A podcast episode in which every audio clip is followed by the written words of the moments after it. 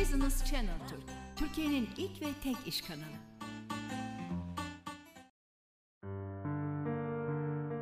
Merhaba. Doktor Permakültürle Doğayla Uyumlu Yaşam programıma hoş geldiniz. 20 programdır sizlerle beraberiz. Bu son programımızda e, sizlerle doğayla uyumlu yaşamda öğrendiğimiz şeyleri hayata geçirmek ve daha da öteye götürmek için neler yapabiliriz onu paylaşacağım. Ben Doktor Murat Onuk. E, başladığımızda neden böyle bir şeyle ilgileniyoruz diye konuşmaya başlamıştık. Dünyada insan soyunun tehlike altında olduğundan, önümüzdeki 10 yıllarda yüz milyonlarca insanın e, ölümünün söz konusu olduğundan ve bu anlamda bildiğimiz medeniyetin yıkılacağından, şayet doğru bir şekilde harekete geçmezsek, bu aciliyeti hissetmezsek, doğru bir yaklaşımla doğayla olan ilişkimizi düzeltmezsek, cahil bencillikten vazgeçip soyumuzun devamını garantili altına alacak bir yaklaşım içerisine girmezsek çok ciddi bir tehlikeyle karşı karşıya olduğumuzdan bahsetmiştik. Bunun içinde en temel sorunlarımız olan kirlilik, ormansızlaşma ve toprak kaybı ile ilgili de bütüncül bir çözüm sunan, hızlı ve uygulanabilir bir çözüm sunan permakültürden kalıcı kültür olarak çevirebileceğimiz etik temelli sürdürülebilir insan yerleşimleri tasarımı biliminden konuşa geldik. Temel bazı kavramları baştan tanımladık. Tasarım gibi, bilim gibi ve etiği, yapacağımız işlerin bir etik temeli olması gerektiğini, belli bir ahlak üzerine oturmazsa kalıcı, sürdürülebilir olamayacağını bahsetmiştik. Bu yüzden de permakültür etiğini tanımladık.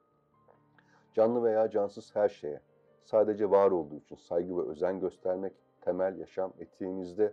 Temel direktifimiz kendimizin ve çocuklarımızın yaşamının ve geleceğinin sorumluluğunu almaktı ve buna göre hareket etmekti. Permakültür etiği bizlere yaptığımız bütün faaliyetlerde dünyayı gözetmemiz gerektiğini, insanı gözetmemiz gerektiğini ve bu faaliyetleri yaparken artan ne varsa ilk ikisine vakfetmemiz gerektiğini söylüyordu. Bunları daha somut aksiyonlara çevirebilmek için 12 tane permakültür ilkesinden, prensibinden bahsetmiştik. David Holmgren tarafından geliştirilen ufak başlamak, küçük başlamak, bir şeyler üretmek, e, yenilenebilire önem vermek, otokontrol mekanizmaları yaratmak, sistemin kendi kendini idare edebilmesi için atık üretmemek, örüntüleri göz önüne almak ki örüntü kavrayışı bir programımızın konusuydu. Bizler bilimi doğada var olan örüntülerin her ölçekte keşfi olarak tanımlamıştık. Doğanın milyarlarca yıl boyunca optimize ettiği, enerji açısından en verimli hale getirdiği, belli sayıdaki formların nasıl değerlendirildiği, bunları nasıl kavrayabileceğimiz ve tasarımlarında kullanabileceğimizi konuşmuştuk. Ancak örüntü bazlı tasarım yaparsak sürdürülebilir enerji açısından verimli sistemler tasarlayabiliyoruz. Örüntülere uymayan formlar enerji kaybına sebep oluyorlar. Bu yüzden örüntü kavrayışı, doğayı okumak ve anlamak, doğanın geometrisini bilmek önemli. Somut olarak tasarım yöntemlerinden bahsettik. Gözlemle başlayan, doğayı gözlemleyip doğadan öğreniyoruz. En büyük hocamız doğa. Doğadan öğrendiklerimizi insan aklını ve teknolojisini kullanarak hızlı bir şekilde hayata geçirerek yaptığımız tasarımlarda içinde bulunduğumuz bu kötü gidişatı tersine çevirip 11 milyar insanı sağlıklı ve besleyici gıda ile besleyecek şekilde aslında dünyanın kaynaklarını verimli bir şekilde değerlendirebiliriz. Dünyanın şu anda mevcut ekili tarım arazilerinin sadece %4'ünü kullanarak bu 11 milyar insanı besleyebilir. Geri kalan %96'yı da doğal çevirmenin kendini onarması için ormanlaşmaya terk edebiliriz. Öğrendiğimiz tasarım yöntemlerini uygularken en başta suyla başlamıştık. Suyu en yukarıda nasıl tutabiliriz? Ne kadar su tabi alıyor arazimiz, havzamız? Bu suyu nasıl tutacağız, nasıl depolayacağız, tekrar tekrar nasıl kullanacağız? Gri suyu, kara suyu nasıl değerlendireceğiz? Ve elbette yapabileceğimiz en büyük depo olan arazimizin kendisine üstü kapalı bir depo olarak nasıl bir sünger gibi su tutan bir sisteme çevirebiliriz? Ve bu suyun buharlaşması için toprak yüzeyini nasıl kaplamamız lazım? Yüzey örtücüler ve bitki sistemleriyle, yağmur hendekleri ve göletlerle bunlardan bahsetmiştik. Erişimden, yürüme ve araç yollarından ve yapıların nasıl tasarlanması gerektiğinden, doğal yapılar olarak yerel malzemeyle yerel mimariye uyumlu olarak nasıl tasarlanması, yerleştirilmesi gerektiğinden bahsetmiştik. Enerji depolama sistemleri olarak sürdürülebilir insan yerleşimleri tasarımında çok önemli olan bitki ve hayvan sistemlerinden konuştuk. Bitki sistemleri özelinde de çok özel varlıklar olarak doğada dengeyi sağlayan, temiz hava, temiz su ve toprak üretimini sağlayan ağaçlardan ve onların enerji alışverişlerinden konuştuk. Toprak ve hava arasında bir geçiş e, ortamı sunan ağaçlar hem en temel örüntülerin de formlarını bizlere sunuyor. Aynı zamanda da karbon tutarak çok ciddi miktarda kaynak depolamayı üretken bir şekilde sağlıyorlar. Biz besinimizi çok yıllık bitkilerden yani ağaçlardan sağlayarak giderek çok daha sürdürülebilir, kolay, e, hızlı e, yaşam sistemleri, insan yerleşimleri tasarlayabiliyoruz. Su kültürü başlığımızda çünkü sudaki yer çekiminin azlığından dolayı topraktaki üretime göre 30 kat ve çok çeşitli bir şekilde e, gıda üretimi yapma imkanımız var. Su kültüründe monokültür yapma, tek tip üretim yapma imkanı yok. Çok çeşitlilik doğal olarak gerekiyor. Su kültürünü biraz daha entegre sistemlerle, aquaponik ırım düzen ya da su düzeni dediğimiz sistemlerle 80 kat toprağa göre daha verimli şekilde tasarlayıp hem bitkisel hem de hayvansal protein açısından üretim yapabiliyoruz. Elbette yaptığımız tasarımlarda iklimlerin etkisi çok önemli. İçinde bulunduğumuz coğrafyanın tabi olduğu ana iklim kuşağı nedir? ılıman iklim kuşağı, tropik iklim kuşağı ya da kurak e, iklim kuşağı. Bunun temel özelliklerinden bahsetmiştik. Nelere dikkat edilmesi gerektiği, toprak özellikleri nelerdir ana iklim kuşaklarının. Bunların tabii alt iklim kuşakları var. Ülkemizin temel hakim ana iklim kuşağı olan ılıman iklim kuşağı altında karasal, Akdeniz gibi farklı iklim kuşakları var. Öbür taraftan da kurak alan stratejileri bizim için giderek daha önemli çünkü ülkemiz giderek daha kuraklaşıyor. Dolayısıyla kurak alanlarda nasıl yapabiliriz, ne yapabiliriz bunu bilmemiz lazım. En yıpranmış topraklarda, en zor şartlarda da permakültürün uygulamalarının mümkün olduğunu, çok kısa sürede çok ciddi vahalar, cennetler yaratabildiğini, bolluk ve bereket sağlayabileceğini örneklerle sizlerle paylaştım. Daha sonra tabii toprak konuştuk. En önemli problemimiz olan toprak kaybı sadece miktar olarak kaybı değil, aynı zamanda da nebati hayat yani canlı mikroorganizmaların kaybı, dolayısıyla üretken organik toprağın kaybı en önemli problemimiz. Bunun için neler yapmamız lazım? Bunu konuştuk. Toprağın özelliklerinden bahsettik. Toprağın asla sürülmemesi, çapalanmaması, üzerine basılmaması gerektiğini konuştuk. Toprağın içindeki mikrobiyal hayatı ancak besleyebileceğimizi, onların da topraktaki mineralleri, elementleri, iz elementleri, alt iz elementleri işleyerek bitlerin besleyebileceği hale getirdiklerini söylemiştik. Işığa karşı hassas oldukları için e, rutubete ihtiyaç duydukları için toprağın her zaman üzerinin kapalı olması gerekiyor. Ufak ölçekli bahçelerde bulabileceğimiz bütün organik malzemeyle bir zaman yaşamış olan ki bunun içinde yün battaniyelerden tüylere, saça, kitaplara, eski telefon rehberlerine kadar pek çok şeyi aslında hani saman en çok bilineni ama pek çok farklı şeyi malç malzemesi olarak kullanabiliyoruz ve toprağın üstünü örtebiliyoruz. Zaman içerisinde bu organik malzeme yavaş yavaş toprağa dönüşüyor ve toprak içerisindeki nebat hayatı koruyup zenginleştiriyor. Daha sonra geniş ölçekli arazi tasarımından da bahsetmiştik. Ee, kırsala göçtüğümüzde doğru araziyi nasıl seçeceğiz? Çok daha uygun fiyatlara, çok daha uygun, hafif eğimli arazileri orman sınırlarında seçerek çok daha üretken sistemleri kolaylıkla kurabiliriz. Arazide daha sonra nasıl bir gözlem yapmamız lazım? Arazinin mülkiyetini garanti altına almanın önemi, gözlem sonucunda edindiğimiz bilgiler doğrultusunda da bir yol haritası, yol haritası. Neler yapacağız, nereden başlayacağız sizlere bu program kapsamında özet olarak sundum. Elbette bunun daha detayı size aynı zamanda bir meslek sertifikası kazandıracak olan uluslararası yeni dünyanın en gözde mesleklerinden biri olan permakültür tasarımcısı olmanızı sağlayacak olan tasarım sertifikası kursunda veriyoruz. Örnek uygulamaları balkon ölçeğinden başlayıp bahçe ölçeğine, daha sonra bir çiftlik ölçeğine, daha geniş bir tarım arazisine ve bir ülke büyüklüğündeki Loş Plato uygulaması gibi Çin'deki 640 bin kilometre karedeki e, nasıl yapılabildiğini, ne gibi sonuçlar doğurduğunu, ne kadar sürede gerçekleştiğini ve ne kadar zorlu şartlarda bile mümkün olduğunu gösteren uygulamaları sizlerle paylaşmıştım. Bu uygulamaların varlığı elbette bizlere geleceğe dair bir umut, bir güven ve aslında insan yerleşiminin nasıl olmasına olması gerektiğine dair de kapsamlı bir bilgi sunuyor. Kentlerde, şehirde yapılabilecek pek çok şey var. Bunlardan bahsettik bir programımızda ve tabii ki topluluk stratejileri. İnsan olarak sosyal varlıklarız. Temel ihtiyaçlarımızın en üst seviyesinde yani temiz hava, temiz su, sağlıklı besleyici gıda ve makul bir barınak. Soğukta kendini ısıtan, sıcakta kendini serinleten ve suyunu toplayan makul ölçekli bir barınağa sahip olduktan sonra sosyal varlıklar olarak ahenkli, uyumlu bir toplulukta kendi potansiyelimizi gerçekleştirme ihtiyacımız var. Bu topluluklar nasıl olmalı, nasıl kurulmalı, nasıl karar almalı, nasıl konuşmalı, haberleşmeli, iletişimleri nasıl olmalı? Bunlar hakkında konuştuk ve Türkiye'de var olan topluluk örneklerinden küresel boyuttaki topluluklara kadar sizlerle bilgi paylaşımında bulundum. Daha sonra da nereden başlayacağıza geçmeden önce yaklaşıma dair ilkeler, aksiyona geçtiğimizde bizi yönlendirecek olan temel ilkeler ve prensipler etikten başlayarak tekrarladık. Bunun bir listesinin web sitemde bulabileceğinizden bahsetmiştim. Ben diliyle yazılmış ve elbette o listeyi sizler de geliştirip daha da öteye götürebilirsiniz. Nereden başlayacağımız konusunda da evimizden başlamamız gerektiğini ifade etmiştim. Ekonomi ve ekoloji, ev bilimi ve ev düzeni demek. Kendi etki alanımızdan ufak adımlarla, acele etmeden, sağlam temellerle ilerleyerek pek çok aslında yapabileceğimiz faaliyet var. Bunların listesini bir önceki programda konuştuk.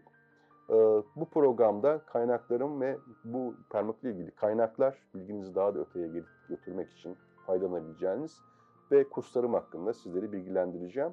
Aslında bu program 20 programlık bu seri e, sizler için permakültüre giriş kursumun 12 saatlik temel bilgilendirme kursumun içeriğini e, sundu sizlere. Bu anlamda programı takip etmiş olanlar benimle temasa geçerler. Göndereceğim soruları başarıyla yanıtlarlarsa ufak bir sertifika bedeliyle permakültüre giriş kursum için katılım sertifikası da alabilecekler. İsmim Doktor Murat Onuk. Bana murat.onuk.doktorpermakültür.org veya Instagram'da Doktor Permakültür veya 0530 401 30 numaralı telefonundan ulaşabilirsiniz. Bu son programımızın gündemi etik temelli sürdürülebilir insan yerleşimleri, tasarım bilimi olan permakültür ile ilgili kaynaklar. Kapsamlı bir kaynak listesini sizlere sunacağım ve daha da ileriye geçerek daha fazla eğitim alıp bu konuyu bir meslek haline getirmek istiyorsanız neler yapabilirsiniz? Bunu sizlerle paylaşacağım. Temel olarak kullandığımız kaynaklar permakültürün kurucusu olan Bill Morrison'un yazdığı eserler. İlk eser David Holmgren'le beraber yazdıkları doktora tezi olan Permakültür 1, çok yıllık tarım ve insan yerleşimleri için çok yıllık tarım uygulamaları diye başlayan sürdürülebilir tarım teknikleri içeren bir kitap. Bu kitap çok ilgi görünce devamı geliyor. Bilim Morrison Akademi'den ayrıldıktan sonra Permakültür 2 isimli kitabı yazıyor. Kasaba ve şeyde arazilerde kalıcı tarım için pratik tasarım isminde bir kitap yazıyor. Bu sürede ama yavaş yavaş permakültürün içine tarımı aşan ilave bazı konular eklenmeye başlıyor. Ve daha sonra Bill Mollison permakültür tasarımcısının el kitabını yazarak çok kapsamlı teknik bilgiler içeren ama aynı zamanda çok özel bir felsefi kitap olan e, el kitabını yayınlıyor. E, bu aslında kurslarımızın temel kaynaklarından bir tanesi. Manueli yayınladıktan sonra da, el kitabını yayınladıktan sonra da kapsamlı bir özet sunan permakültüre giriş kitabını yayınlıyor ki Türkçemizde var. Türkçe'ye çevrildi çok güzel bir çeviriyle. E, permakültüre girişi e, bulabilirsiniz. Daha sonra Bill Morrison'un otobiyografisi, Rüyalarda Seyahatler çok özel bir kitap. Umarım hem tasarımcının el kitabı hem de Rüyalarda Yolculuklar Türkçemize kazandırılır. Permakültür kitabı Fermentasyon ve İnsan Beslenmesi üzerine Bill Morrison'un yazdığı bir diğer kitap. Yani Mıntıka Sıfır, Kendi Bedenimiz, içimizdeki bu özel hazineyi taşıyan hazine sandığı üzerine de Bill Morrison'un yazdığı bir kitap var. Bir de e, derslerinin bir ses kaydı, e, krizi e, atlatabilmek anlamında bir DVD ses kaydı da var. Temel kitaplarımız Permakültür'de bu tasarımcının el kitabı ve Permakültür'e giriş kitabımız. Daha sonraki kaynaklar King'in 1911'de yazdığı ve Bill Morrison'un ilham kaynaklarından olan 40 yüzyılın çiftçileri, Çin, Kore ve Japonya'da organik tarım, Russell Smith'in yazdığı gıda ormanları bir kalıcı tarım anlamında ağaçlardan beslenmek, Yeomans'ın dönüm hattı tasarımı 1954 ve 1958'de yine bir dönüm hattı tasarımının pratik uygulaması arazinin meydan okumasına karşı ve daha sonra 1973'te yazdığı her çiftlik için su bir pratik sulama sistemi üzerine yazdığı kitaplar. Masanobu Fukuoka'nın doğal tarımın kurucusu olan Ekin Sapı Devrimi ve Doğal Tarıma ve Doğal Hayata Giriş kitapları Türkçemizde var. Doğal Tarımın Yolu, Felsefesi ve Uygulaması kitapları, David Holmgren'in yazdığı Permakültür Prensipleri ve Yolları Sürdürülebilirliğin Ötesinde e, Meliodora'dan kendi çiftliğinin yayın eviyle yayınladığı kitap ve Milkwood Permaculture, Kristen Bradley ve Nick Ritter'ın yazdığı e, permakültür kitabı, Milkwood Permakültür Yolu e, yabancı kaynaklar olarak değerlendirebilirsiniz. Devam edersek e, gıda ormanları, bahçemizi gıda için kullanmak, tohumumuzu saklamak, e, roket sobaları, e, yenebilir gıda ormanları, toprağın nasıl kullanılacağına dair e, toprak kullanım el kitabı, ördeğin gücü, permakültür bitkileri, Isabel Spad'ın otlardan nasıl faydalanabileceğimiz konusu, yabani ot diye isimlendiğimiz aslında otların bir hep bir sebeple topraktan çıkıyorlar. Tohumları bütün topraklarda var. Hangi ihtiyacı varsa toprağın onların tohumları filizleniyor diye konuşmuştuk. Dolayısıyla yabani otlar aslında bizlere toprağımızın içinde bulunduğu sıkıntıyla ilgili çok ciddi ipuçları sağlıyorlar. O sıkıntıyı giderdiğimizde de artık onlara ihtiyaç kalmıyor. Kaynaklar konusunda devam edersek özellikle Gaia, dünyanın yaşayan tek bir organizma olduğu teorisi. Bununla ilgili bir takım kitaplar. Ee, Christoph Kapra'nın kitapları, Fiziğin Taosu ya da Hayat Ağı, Yaşam Ağı, Christoph Alexander'ın e, Örüntü Dili kitabı, James Lovelock'un Gaia teorisini geliştiren Dünyaya Yeni Bir Bakış Dünyadaki Hayata 1979. Benim o Mandelbrot'un fraktal geometri üzerine yani doğanın geometrisi üzerine yazdığı bir kitap. Fraktal geometri alışık olduğumuz geometriden biraz daha öteye giderek mesela nokta sıfır boyutlu bir kavram, doğru tek boyutlu, düzlem iki boyutlu ve üç boyutlu nesneler olarak üç boyutta tanımlıyoruz biz şeyi, mekanı. Halbuki bir buçuk boyut, 1.2 boyutlu bir kesirli boyutlar mümkün müdür? Fraktal geometri bunu aslında araştırıyor ve mümkün olduğunu bu sayede aslında doğal geometrinin çok daha keskin bir şekilde ölçümlenebildiğini gösteriyor. Ve doğada bazı formların işte tekrar tekrar kendini tekrarladığını ki bunlara örüntü diyoruz. Ve bunu anladığımız, anlamanın sonucunda aslında biz doğayı çok daha güzel modelleyebiliyoruz. Çok daha gerçekçi animasyonların artık yapılabildiğini biliyoruz. Keza derin ekoloji, Kaos, Edward Lorenz, işte Kelebek Etkisi kitabı, derin ekoloji üzerine kitaplar, Stephen Harding'in özellikle Gaia ekolünün devamı, James Lovelock'un öğrencilerinden dünya üzerine, Gaia üzerine yazdıkları kitapları, derin ekoloji üzerine diğer kitapları kaynak olarak değerlendirebilirsiniz bu konulardaki bilginizi geliştirmek için. Yenebilir bitkilerle ilgili Stefan Facchiola'nın yazdığı Cornucopia isimli bir kitap var. Sadece kendisi tarafından basılıp gönderilen. Dünyadaki bitkilerle alakalı Path.org web sitesini değerlendirebilirsiniz ya da Path of Freedom web sitesini değerlendirebilirsiniz. Su hasadı şehirde Tucson, Arizona'da bahsetmiştim sizlere bir programımızda. Yağmur suyu hasadı 1 ve 2. cilt Brad Lancaster'ın kitabı ve web sitesi. Toby Hemingway Türkçe'de kitapları giderek daha fazla çevrilmeye başlandı. Çok sevindirici. David Holmgren'in öğrencisi. Gaia'nın bahçeleri, ev ölçeğinde permakültür uygulamaları, Patrick Whitefield'in maalesef kaybettik birkaç sene önce Dünyayı Gözetmek için El kitabı. Chris Martenson'un parayla alakalı kitabından bahsetmiştim. Christoph Alexander'ın Örüntü Dili, Arthur Clarke'ın Sonsuzluğun Renkleri, permakültür bahçeleri, orman bahçeleri, yenebilir araziler yaratmak Robert Hart'ın ve Sepp Holzer'in Bill Morrison'un hemen hemen aynı dönemde permakültür prensiplerine benzer prensiplerle Avusturya Alplerinde e, tarım ve yapan e, ve hügel kültür uygulamaları gerçekleştiren, ondan önce geliştirilmiş olmakla beraber Sepp Holzer'in Türkçe'ye çevrilmekte olan kitabı e, ve permakültürün öncüleri Smith Denbourne'un kitabı mesela kaynak olarak kullanabilirsiniz. Türkçemizde tabii ki bu Dağ Derneği'nin kurucusu olan rahmetli Viktor Ananias'ın çok değerli bir kitabı var. Yaşam Dönüşümdür. Şimdi yeni bir kitabı da yayınlandı Arif ve Tarif isminde. Çok özel bir ruhtu. Çok vakitsiz kaybettik maalesef. Ama çok güzel bir eser bıraktı arkasında. Ee, Buğday Derneği çok güzel faaliyetlerde bulunuyor. Topluluklarda bahsetmiştim.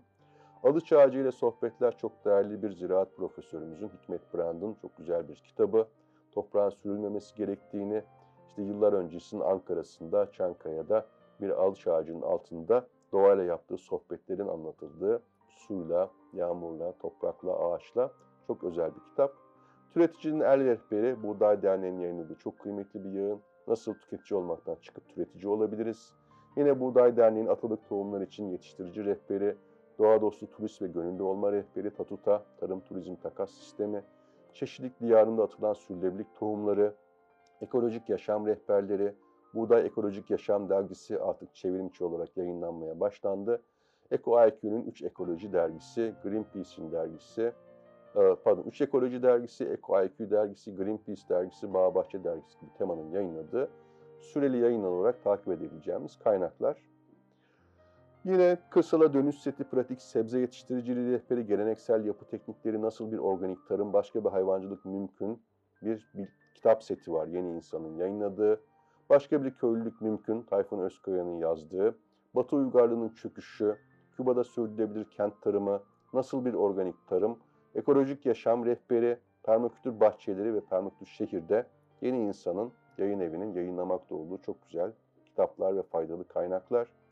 Sinek'teki kapsamlı bir şekilde bu konuda yayınlar yapa geldi. Ee, Vandana Shiva'nın mesela yayınları var. İyilerin yanında çiftçi haklarına adanmış bir yaşam. Petrol değil toprak, iklim krizi döneminde çevresel adalet. İnadına canlı, kadınlar, ekoloji ve hayatta kalma. Ee, tohum ve gıdanın geleceği üzerine manifestolar. Ee, Vandana Shiva'nın çok değerli kitapları Türkçemize kazandırılmış. Eko Köyler Sürdürülebilirliğin Yeni Ufukları, Ekoloji Cep Rehberi Ernest Kallenbach'ın yazdığı Bizim Dünyamız Bir Zen Rahibinin Barış ve Ekoloji hakkındaki görüşleri, Şehirdekiler için Sürdürülebilir Yaşam Rehberi çok güzel kaynaklar olarak Sinek 8 tarafından. Devam eden Bana Ait Bir Yer, Sürdürülebilir Yaşam Kitapları serisinde Okulsuz büyümek, okulsuz eğitim, kırsalda yaşamak, doğayla bağ kurmak ve yaşarken öğrenmek hakkında sıra dışı bir ebeveynlik macerası, Slow Food devrimi, Ekopolit, mesela Sinek 8'in yayınladıkları, Cinnus'tan ekopolitik çerçeveden organik tarım ve kompost, Kıyamet tacirlerine karşı Kıyamet Ömer Adan'ın çok değerli bir kitabı, Çevremiz geleceğimizdir, çok değerli Edison'un yazdığı bir çevre mühendisi olarak bir eseri, Sıcak, Düz ve Kalabalık, Thomas Friedman'ın Tıbbi bitkileri doğru kullanma rehberi, pratik yöntemlerle doğal ilaçlar, Paçem Balıkesir Çiftçi Eğitim Merkezi'nde sevgili Nazım Tanrıkulu'nun çok önemli bir katkısı. Ağaçlar.org üzerinden ağaçlar hakkında kapsamlı bilgi alabiliyoruz. Taner Aksel'in yazdığı Kritik Eşik iklim değişikliği ilgili çok önemli bir kaynak ve Yeni Dünya adlı kitap aslında bir tasarım sertifikası kursunun içeriğinde paylaştığı kendi deneyimleriyle çok özel bir eser. İklim değişiyor, Türkiye değişmiyor. Türkiye çözüme gerçekten ortak olsun iklim ağı raporu. 101 soruda organik ürün rehberi, börtü böcek için doğa dostu öneriler ve ev yapımı ilaçlar sevgili Doktor Füsun Tezcan'ın yazdığı ve onun üzerinden temin edebilen çok kıymetli bir eser. Zehirsiz Ev, Mercan Yurdakuler'in yazdığı Doğan işaretlerini okumanın kaybolmuş sanatı, Doğa kitabı, bitkiler, hayvanlar ve gezegenimiz ve şehirde kompost, küçük mekanlarda yaşayanlar için kompost yapım bilgisi yine önemli kaynaklar. Tabii DVD'ler ve filmler var. Jeff Lawton hocanın yayınladığı Permakültüre Giriş DVD'si artık YouTube'da izleyebiliyorsunuz. Henüz YouTube'da olmayan e, su hasadı permakültür yoluyla, permakültür toprakları, gıda ormanları kurmak e, bunlar henüz şu anda YouTube'da yok. Ben eğitimlerimde ilave kaynak olarak paylaşıyorum. Şehirde permakültür de YouTube'da bulup izleyebileceğiniz otomatik Türkçe çevirisi önemli bir DVD. Kendine yeterlilik kursu Isabel Şipaat'ın iki DVD'lik bir serisi ve otlarla alakalı bir kurs. Gene Isabel Şipaat'ın iki DVD'lik bir serisi. Aquaponik konusunda Murray Hallam'ın DVD'leri mevcut. Ve tabii ki başka belgeseller BBC'nin Amerika'daki Farm ismi verilen çiftlik ve onun belgeseli. Gıda ile alakalı bir belgesel, Food, Gıda. Ee, Cowspiracy, e, hayvancılıkla alakalı bir ayrı e, film. Earthlings, e, No Impact Man, işte New York'ta şey atık üretmeden, çöp üretmeden yaşamının belgeseli. E, rahatsız edici gerçek, Al Gore'un filmleri. Baldan Acı, e, Kaliforniya'daki kayısı plantasyonlarında arıları taşıma yoluyla nasıl bir e, akıl dışı e, üretim yapıldığına dair ve en büyük küçük çiftlik Biggest Little Farm çok güzel bir film. Neler yaşanabilir, ölçeğin nasıl değerlendirilmesi lazım, e, çözümlerin aslında işte sorunun içinde saklı olduğuna dair çok güzel bir kaynak. My Octopus Teacher bir ahtapottan edinilen bilgiler, e, hayattaki yaşamla alakalı bir bilgi. Planet Earth BBC'nin serisi, top, e, tohum üzerine bir belgesel. E, Mantar ailesi, mantarlar, fantastik mantarlar üzerine filmler. Kiss the Ground belgeseli toprak üzerine. Baraka filmi, orada çok özel bir film Baraka, belgesel olan Baraka filmi değil bu. Bir babanın hikayesini anlatan bir film. Orada mesela bir permüklü bahçesinin görüntüsü var. Çok farklı bir bakış. İçinden bakına sanki böyle jungle gibi, karman çorban gibi görüşen, görünen permüklü bahçeler aslında belli bir düzen ve örüntüleri içeren biyoçeşitliliği çok üst seviyede uygulanan, çok üretken sistemler. O filmde öyle bir sahneyi görebilirsiniz. Toprağın Uyanışı belgeseli Türkçemize kazandırılmış çok güzel bir belgesel. Onarıcı tarım, sürülmeden yapılan tasarımı nasıl mümkün olduğu ve çiftçilerin buna nasıl direnç gösterdiğine dair aslında bilgi sunuyor. Ve Sürdürülebilir Yaşam Film Festivali kapsamında aslında artık çevrim içi yapılan bu anlamda pek çok farklı film ve belgeseli izleyebiliyoruz. Web siteleri olarak baktığımda benim Doktor Permakültür, İngilizce doktorpermaculture.org web sitemde bilgiler bulabilirsiniz. İstanbul Permakültür Kolektifi çok kapsamlı kurslar ve bilgilendirme yapıyor. Eko harita üzerinden e, Türkiye'deki permakültür ağı ile ilgili bilgiler alabilirsiniz. Belentepe Çiftliği sevgili Taner Aksel'in Belentepe.org web sitesinde Türkiye'deki en kapsamlı permakültür uygulamalarını, değişik yöntemleri görebilirsiniz. Türkiye Permakültür Araştırma Enstitüsü'nün web sitesi üzerinden bilgiler alabilirsiniz. Avustralya Permakültür Araştırma Enstitüsü'nün web sitesinden ve küresel permakültür ağı üzerinden e, şey, dünya çapında uluslararası topluluğa ulaşabilirsiniz. Jeff Lawton Hoca dünyada permakültürün lideri olarak çok kapsamlı videolar ve bilgilendirmeler paylaşıyor web sitesinden. David Holmgren Hoca'nın, yani bilim oyuncusunu kaybettik ama David Holmgren Hoca hala hayatta. Onun web sitesinden bilgiler alabilirsiniz. Permakültür Tasarımcıları Derneği'nin web sitesi üzerinden ve elbette Türkiye Permakültür Vakfı üzerinden, onların web sitesi üzerinden çok kapsamlı bilgilere ulaşabilirsiniz. Kitaplar, filmler ve web siteleri üzerinden kapsamlı bir kaynak listesini sizlerle paylaşmış oldum. Bu listeyi web sitemde de ayrıca sürekli olarak güncellenmiş şekilde bulabilirsiniz. Bu konular hakkında aslında bu TV programından önce bir radyo programı yapma şansım olmuştu. TRT Ankara Radyosu, Radyo 1 İstanbul FM'den yayınlanmıştı. Doğa Uyum Değişim Programı 52 hafta boyunca 2016 yılında öğleden sonra salı günleri 15.30'da başlayan programın ikinci yarısında 15 dakika boyunca sizlerle doğayla uyumlu yaşamdan bahsetmiş ve permakültüre giriş kursunu paylaşmıştım. Bir Facebook e, sayfam var, doğayla uyumlu yaşam permakültür. Önce bir gruptu, daha sonra bir sayfaya dönüştü. Bu sayfa üzerinden pek çok farklı içeriği paylaşıyorum doğayla uyumlu yaşama özel. Web sistemi sizlerle paylaşmıştım. Web sitem üzerinden özgeçmişime, yazılarıma ve vermekte olduğum kurslarıma dair bilgilere ulaşabilirsiniz. Bu program 2 günlük 12 saatlik temel permakültüre giriş kursunu sunmuştu. Elbette bu kursu yüz yüze veren hocalardan fiilen canlı olarak almak çok kıymetli. İstanbul Permakültür Kolektifi üzerinden veya tasarım sertifikası sahibi olan pek çok hoca üzerinden bu kursları alabilirsiniz. Permakültür Vakfı'nın da bu konuda özet eğitimleri var. Ben de permakültüre giriş kursumu aslında bir hizmet olarak bu program vesilesiyle 20 programla sizlerle paylaşım mutluluğuna erişmiş durumdayım. Programımı takip etmiş olanlar bu son programımız. Benimle temasa geçerler. Göndereceğim soruları başarıyla yanıtlarlarsa permakültüre giriş kursum için ufak bir sertifika bedeliyle katılım sertifikası alabilirler. Bu program e, YouTube'a da konuyor ve orada da bu program olarak takip edilebilecek. Bu programı tamamlayanlar bu şekilde bana ulaşabilirler. Permakültürün iki tane temel eğitim var. Bir tanesi iki günlük temel bilgilendirme kursu olan bir program vasıtayla aldığınız permakültüre giriş kursu. Ama esas kurs tasarımcı sertifikası kursu.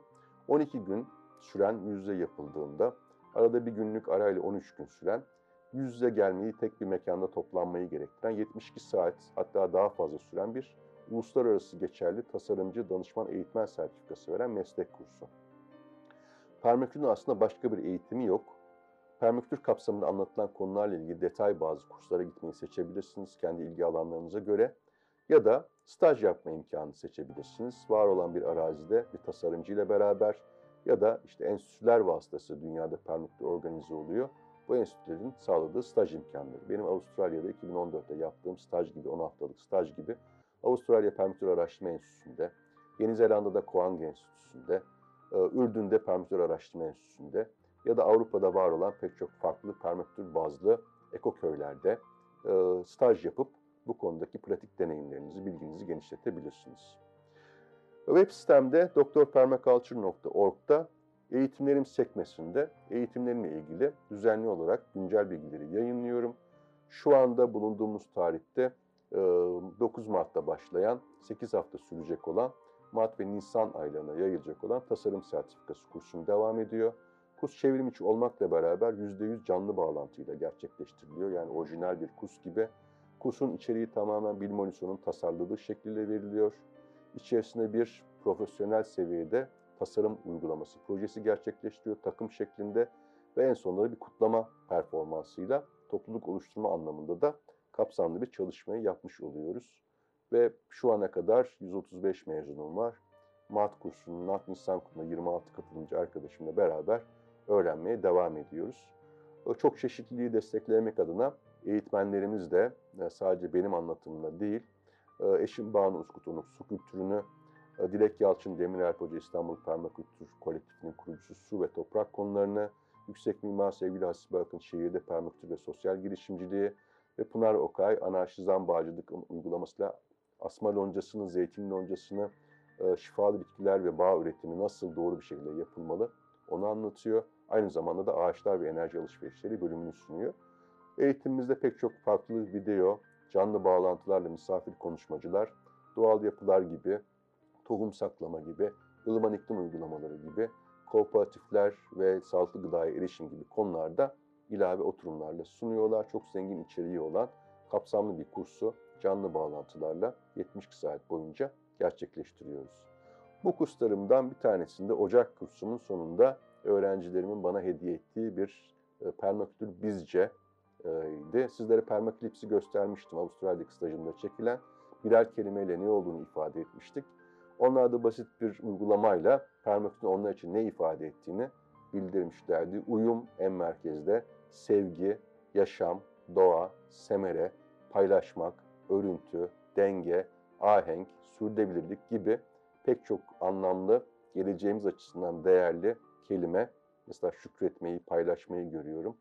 Onlar tarafından permakültürü nasıl anladıklarının ifadesi olarak bu resme yansımış, yansımış vaziyette. Bill Mollison diyor ki her birimizin doğayı nasıl anlayacağımızı çözmemiz gerekiyor.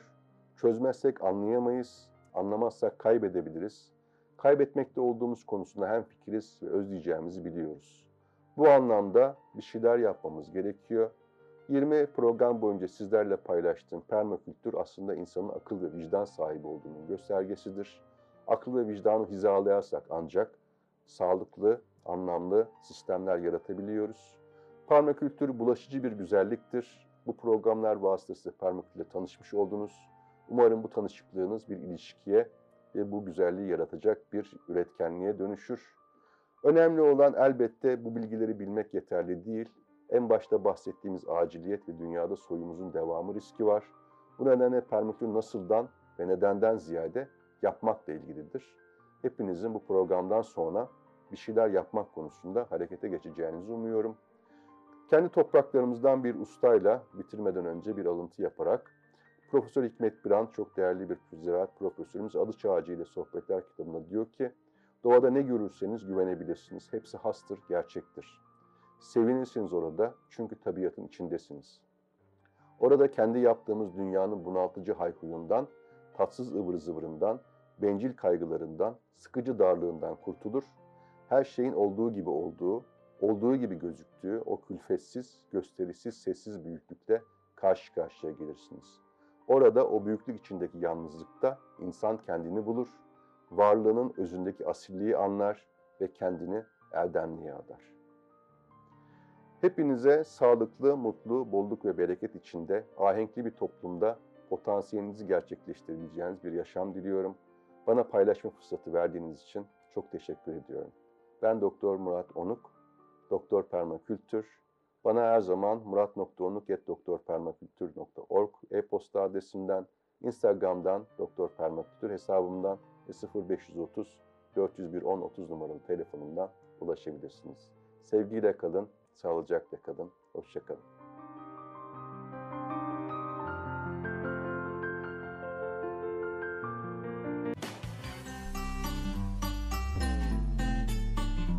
Business Channel Türk, Türkiye'nin ilk ve tek iş kanalı.